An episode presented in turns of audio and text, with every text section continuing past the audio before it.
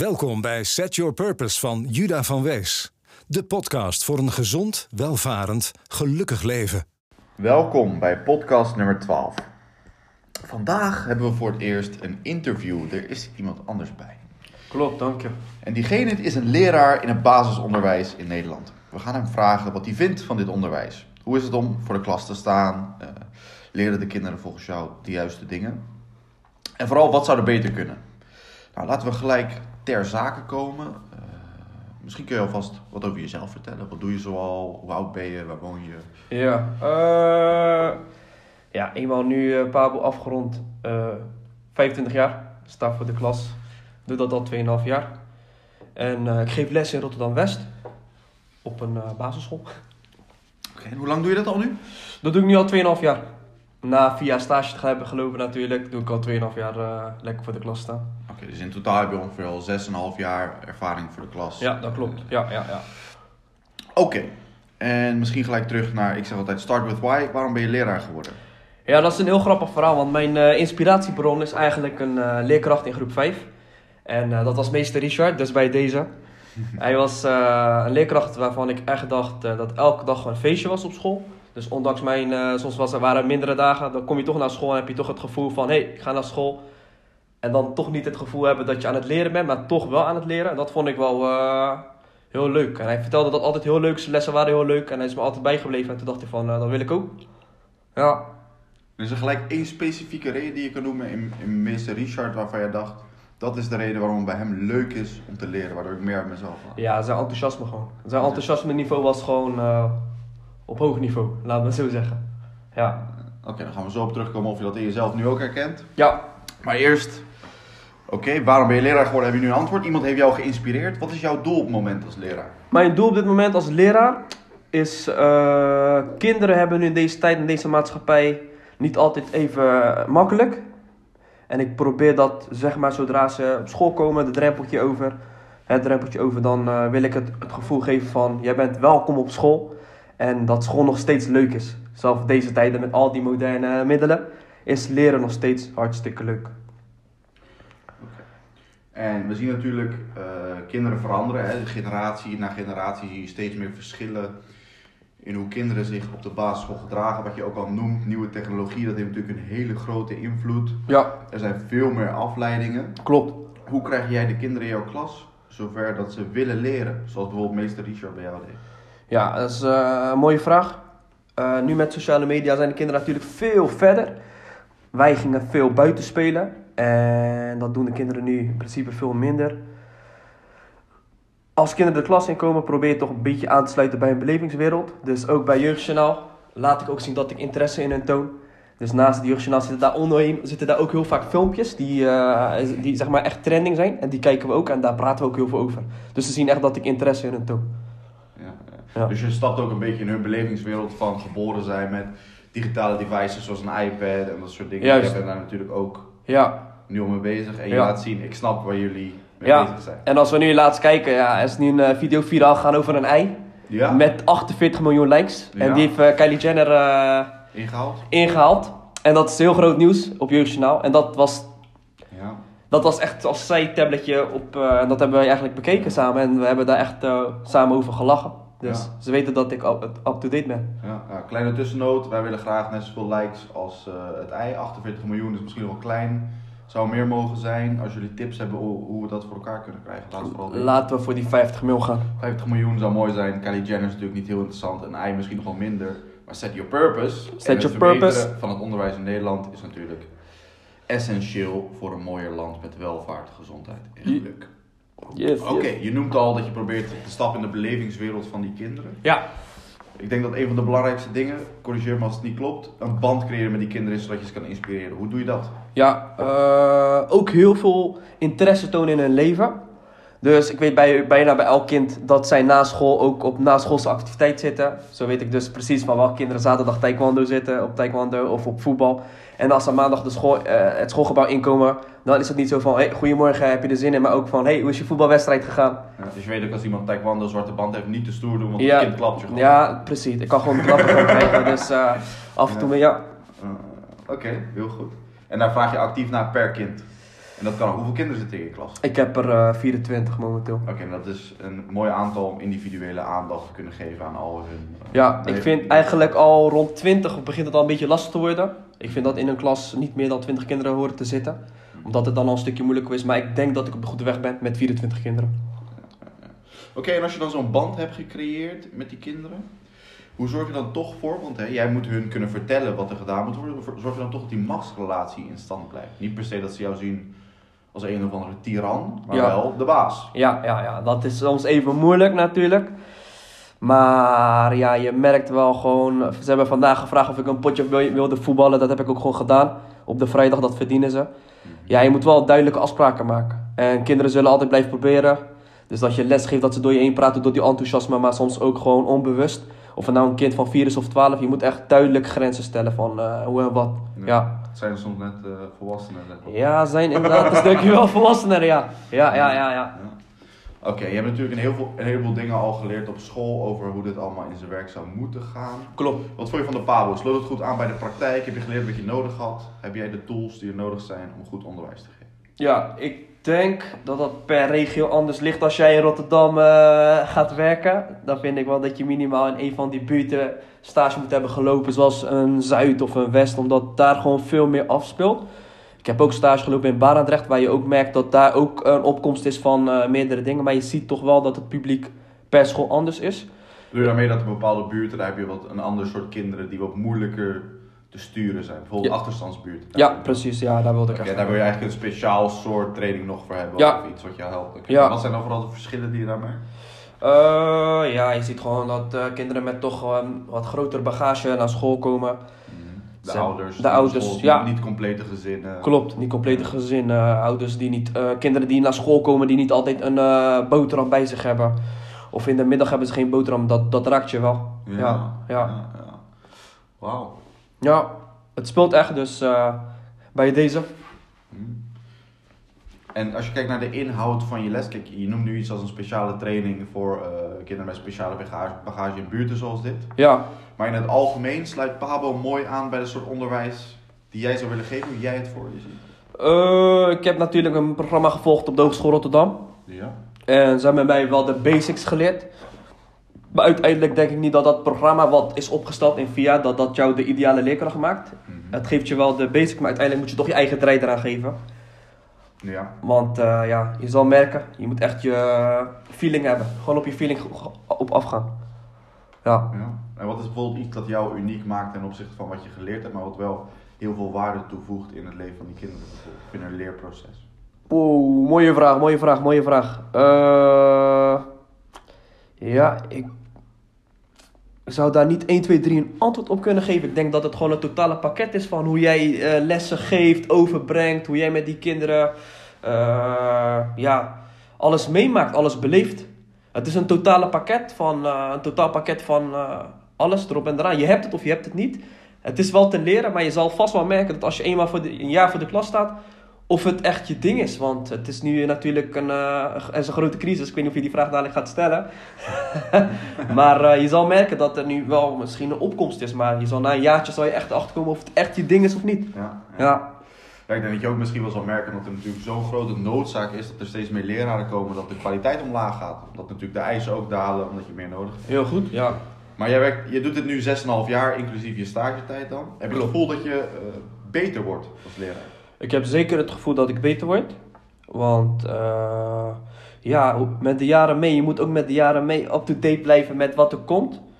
En eh, ik begon echt op een klein digibord en ik heb nu een heel groot digibord met alle opties erop en eraan. En ik heb echt het gevoel dat ik steeds beter word. Ik volg nu ook een opleiding, CED Omword. En daar leer ik ook de laatste tools over het rekenonderwijs. Dus blijf je vooral bijscholen, dat is echt belangrijk. Want als je kijkt naar, het is natuurlijk best iets unieks aan het lesgeven voor een klas. In Ja. de zin dat je staat alleen voor de klas. Ja. Die kinderen, daar leer je natuurlijk van. Maar wie leert jou eh, kinderen wat leren? Je hebt niet een coach naast je staan. Je hebt niet iemand die naar je kijkt en zegt, hé, hey, dit kan je iets beter doen. Je filmt jezelf niet elke dag waarvan je denkt... Dus waar komt precies, los als je voor je zou zo'n opleiding niet doen, waar komt dan jouw groei vandaan als leraar? Ja, eh, dat is een hele mooie vraag. Het is echt, die groei die komt gewoon, is gebaseerd eigenlijk op het dagelijkse. En eh, je bent echt les aan het geven, dus je ziet dat als je het ene zegt tegen het kind dat dat geen effect heeft of dat dat een, niet een, dat dat een negatief effect heeft. Dus dan ga je daarover nadenken. Het is heel belangrijk dat je na zo'n werkdag gaat nadenken van hé, hey, misschien heb ik dat net op een andere manier moeten vertellen, want dit heeft geen positieve wending gehad op dat kind. En verder is het ook heel veel, ik ben ook heel veel op YouTube aan het kijken naar Amerikaanse ja, philosophers over eh, onderwijs. En ik blijf ook up-to-date op LinkedIn. Je moet echt up-to-date blijven op LinkedIn, al die dingetjes lezen. Want hun vertellen ook veel, heel veel. In Ja, welke mate zie je dat terug in je collega's? Je bent natuurlijk net begonnen, je hebt nog een stukje zelfonderzoek, nieuwsgierigheid, Ja. ambitie zelfs. ja zeker. In hoeverre zie je dat terug in de wat oudere collega's? Ja, in de oudere collega's zie je toch dat zij op een bepaald niveau blijven hangen. Ik weet niet, eh, ik spreek nu voor mezelf en daarom wil ik ook anoniem blijven. maar eh, je ziet wel dat zo'n eh, collega die 15 jaar in het onderwijs is, dat zij of meedraaien of ergens een beetje blijven scharrelen. Laten we dat even op dat, die wijze zeggen. Nou, ik zie hetzelfde in mijn branche. Ik denk, weet je, het is natuurlijk altijd makkelijk om comfortabel te raken. Zekerheid is comfortabel en Mhm. verandering is eng. Ja, En als niemand je daarin confronteert, wat je natuurlijk in een klaslokaal bijna niet hebt, kinderen ga je niet confronteren, misschien een directeur een keer, maar ja, dat is één iemand. ja. Dus het is makkelijk om hetzelfde te blijven. Mhm. Oké, volgende vraag. Leren de kinderen de juiste dingen? Ja, wat is de juiste dingen? Vertel het mij maar. Jij bent de basisschool. eh, Ja, leren de kinderen de juiste dingen in het vraag. basisonderwijs. Ja. Eh, we werken met SLO-doelen. Dus als er leraren zijn die luisteren, ze weten precies wat SLO-doelen zijn. Dat zijn doelen die zijn opgesteld door de overheid, waar we naartoe mo- mee moeten werken. Of Ja, we waar, moeten staat het, waar staat het voor, SLO? Stichting Leerplan Ontwikkeling als het Oké, ja, ja, ja. En ja, die zijn gemaakt door Tule. En in die acht jaren werk je naar die eindtoets. En dit zijn de doelen waar wij ons aan houden. De doelen van CITO. Maar of je dan eh, de vraag kan beantwoorden, leren de kinderen de juiste dingen? Ja. Maar op zich vind ik wel dat wij meer aandacht moeten geven aan zelfontplooiing en ontdekken van talenten. Want dat wordt nog vrij weinig gedaan. Talentonderwijs, hè, dat is nu een eh, rage. Kinderen ontdekken nog wel hun talenten, maar wij moeten daar echt wat mee gaan doen. Ja. Ja, ik hoorde laatst van iemand, ik weet niet hoe ze het noemden, dat er iemand is die heeft een bedrijf met een soort gelukskoffertje. Ja, die gaat dat, neemt dat mee naar klassen. ja, dan doen ze het open en daarmee kan je dan, gaan ze je laten zien waar komt geluk nou vandaan. Wij zijn natuurlijk super zwaar geconditioneerd dat geluk komt van materiële dingen, geld, mooie Ja. auto's, huizen. ja, ja. In ja, het ja. koffertje zitten dan andere dingen, dus liefde, familie denk ik. Oh, mooi. Ja, volgens mij heb ik die wel Heb je gezien. dat wel eens gezien? Ja. Ja, het is een heel mooi concept. Koffertje. Kinderen denken, ja, er zal wel iets eh, materialistisch in zitten. Maar het blijkt dus gewoon het woordje geluk te zijn. En het is wel heel mooi dat kinderen daar eh, aan denken. Want eh, geld is niet alles natuurlijk. Nee, gezondheid uh, heel belangrijk ook. Ik vind dit een hele leuke vraag. Stel je voor je was minister van Onderwijs, de eindbaas van Nederland, die bepaalt wat Oei, gebeurt er oei, nou met oei, het onderwijs. oei, wat zou je als eerst veranderen? Behalve natuurlijk je salaris verdubbelen, dat snap ik. Ik zal bij deze mijn salaris verdubbelen. Nee, ik heb het toch gezegd. Hè? Nee. Eh, ja, die klassen moeten gewoon veel kleiner, echt. Mhm. En eh, er is nu natuurlijk eh, het bijzonder onderwijs. En met adaptief onderwijs wat wij nu moeten aanbieden, gaat dat heel lastig. We kunnen nu niet. Adaptief onderwijs? Ja, wij moeten dus ook kinderen met gedragsproblemen of leerproblemen, die moeten wij eh, begeleiden in de klas. En als je al een klas hebt met 24 kinderen en dat soort kinderen wil je begeleiden, dan voelt dat gewoon niet fijn. En vroeger, ja, laat me zeggen, tien jaar geleden, konden die kinderen met een, met een aantal documen- documenten konden ze naar het bijzonder onderwijs. En dat wordt nu eigenlijk heel lastig gemaakt. Dat is nu niet het doel. We moeten proberen dat soort kinderen eh, zoveel mogelijk in de klas te houden. En dat werkt voor sommige leraren echt, eh, ja, dat zij, dat zij daar, ja, Ja, een van de dingen die ik altijd zeg is, je wordt het gemiddelde van de mensen om je heen. En ik snap natuurlijk dat het voor kinderen met gedragsproblemen goed is om, ik zeg even tussen haakjes, de mensen bij de podcast zien dit niet, ik doe haakjes met mijn handen. ja, ja, ja. De normale kinderen die gaan natuurlijk de, de speciale kinderen de goede kant op bewegen. Maar andersom, als je heel veel van dat soort speciale kinderen in de klas hebt, wat voor effect heeft dat denk jij op op het de normale... kinderen die, weet je, die gewoon normaal wel binnen het schoolsysteem passen, die lekker willen presteren, de achtjes, negentjes cultuur zeg maar. Ja. Als er zoveel speciaal onderwijs, want is ook een prioriteit in waar je je aandacht moet neerzetten. Het zijn een beetje vragen in elkaar, maar Ja, eh, prioriteit is natuurlijk de klas. ja, En jij moet gewoon elk kind begeleiden. elk kind. Ja, elk kind moet je begeleiden. Maar ik kan me voorstellen dat iemand met speciaal, speciale behoeftes, blijft lastiger. Plus die ouders die zijn al gewend om wat eerder aan de bel te trekken, denk ik, dan Klopt. een kind. Ja. Dus daar zal je wel Ja. meeste van de tijd mee bezig zijn. Ja, Dat zal dus ook wel ten koste gaan van de, speciale aandacht voor mensen die het al goed doen. Ja. Zie je dat wel de laatste groep waar je dan nog mee aan de slag gaat. Ja. Mensen die al goed zijn. Ja, en dat is eigenlijk eh, zonde, want daar laat je kansen liggen natuurlijk. Kinderen die al goed zijn, die vallen dan een beetje buiten de mand. Ja. En ook die moet je begeleiden. Maar dat ene kind, nou, dat vraagt dan net wat even meer aandacht. Of die kan net de klas uitrennen. Voornamelijk in de onderbouw is dat echt zo van... eh, dat kinderen de klas uitrennen of weer niet meer weten hoe ze eh, met bepaald gedrag om moeten gaan.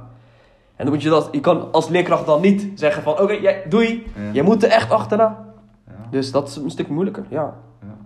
Even terug, ik ben vergeten te vragen. Welke klas geeft nu les? Ik geef les in eh, groep 8. Ja. Oké, en in de afgelopen jaren, welke klassen heb je allemaal les gegeven?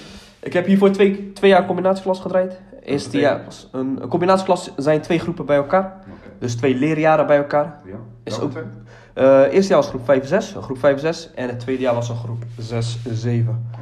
En nu heb ik één groep, een groep 8. Heel veel bovenbouw gehad. Heb je je stagetijd ook nog onderbouw gehad? Ja, ja. Maar je zal, ik denk, eh, als man zijnde, ik wil niet eh, generaliseren, denk ik toch dat eh, meer, de meeste mannen toch wel affiniteit hebben met de bovenbouw. Vooral omdat het zorgzaam, Ja, onderbouw vraagt meer zorgzaamheid, meer geduld, weet je. meer borstvoeding. meer borstvoeding. ja, ja, ja, ja. Oké. Oké, nou dat was even om aan te tonen. Je hebt natuurlijk een hoop al meegemaakt in het onderwijs. En je komt niet zomaar ergens vandaan. Je hebt alles wel een beetje gezien. Mhm. Eh er is veel gestaakt de afgelopen tijd. Je zei net al iets over lerarencrisis. Ik wist dat deze Eh, vraag zou komen. Ik wist dat deze vraag zou komen. Laat me dan een vraag stellen. Ja. Wat is het doel van de stakingen? Het doel van de stakingen is, wij willen in grote lijnen minder werkdruk. Mhm. Want op papier staat misschien bij mij 33 uur of 36 uur, maar in werkelijkheid is het zeker wel 45 plus uur. Want eh, ik wil het wel zeggen, namens alle leraren, heel veel mensen denken dat leraren werken van half negen tot drie. En dat is niet zo. Want we moeten meestal rond 8 uur zijn we op school en bereiden we alle lessen voor, lezen we alles door. En we kijken naar drie al het werk na om te kijken van hey, hoe kan ik het kind de volgende dag helpen. En dan komt daar nog vergaderingen bij, eh, plannen die we moeten uitschrijven. En dat is dus half vijf. Dat als je dan vijf dagen werkt, is dat gewoon ontzettend veel eh, tijd. En ja, de sala- het salaris is eh, nog wel eh, een probleem, denk ik. Als je gaat verder kijken. Als je alleen eh, staand bent, dan zal het wel lastig zijn. Met z'n tweeën, denk ik ook. En ik vind gewoon dat, ja, dat wij recht hebben op meer. Ik, ik, ga, ik doe dit werk niet voor het geld, maar niet recht hebben, dat vind ik ook een raar woord. Ja. Maar ik denk wel dat wij eh, wat serieuzer mogen genomen worden door Nederland. Als je kijkt naar hey, eh 2000 leerkrachten vorig jaar hebben kinderen er waren, was een tekort aan 2000 leerkrachten waardoor heel veel kinderen naar huis werden gestuurd. Of dat een vijfdaagse werkweek een vierdaagse werkweek, dan is dat een probleem. Ja. Als je kinderen naar huis stuurt in een groep 6, dan klopt er volgens mij iets niet in je bovenkamer, om het grof te zeggen. En als er nu al zoveel leerkrachten tekort is en het wordt niet aantrekkelijker gemaakt voor de nieuwe stroming, dan wordt dit echt een groot probleem. En dan praat ik nu namens zorg, maar eh, namens onderwijs, maar zorg is net zo, eh, Ja. ja. Ja, ik snap wat je zegt. Het is natuurlijk moeilijk te zeggen, ik heb recht op het geld. Als je recht op had, moet je het zelf pakken. Dat is jouw verantwoordelijkheid. klopt. Maar uiteindelijk is het natuurlijk wel het verhaal, je moet betaald worden wat je waard bent.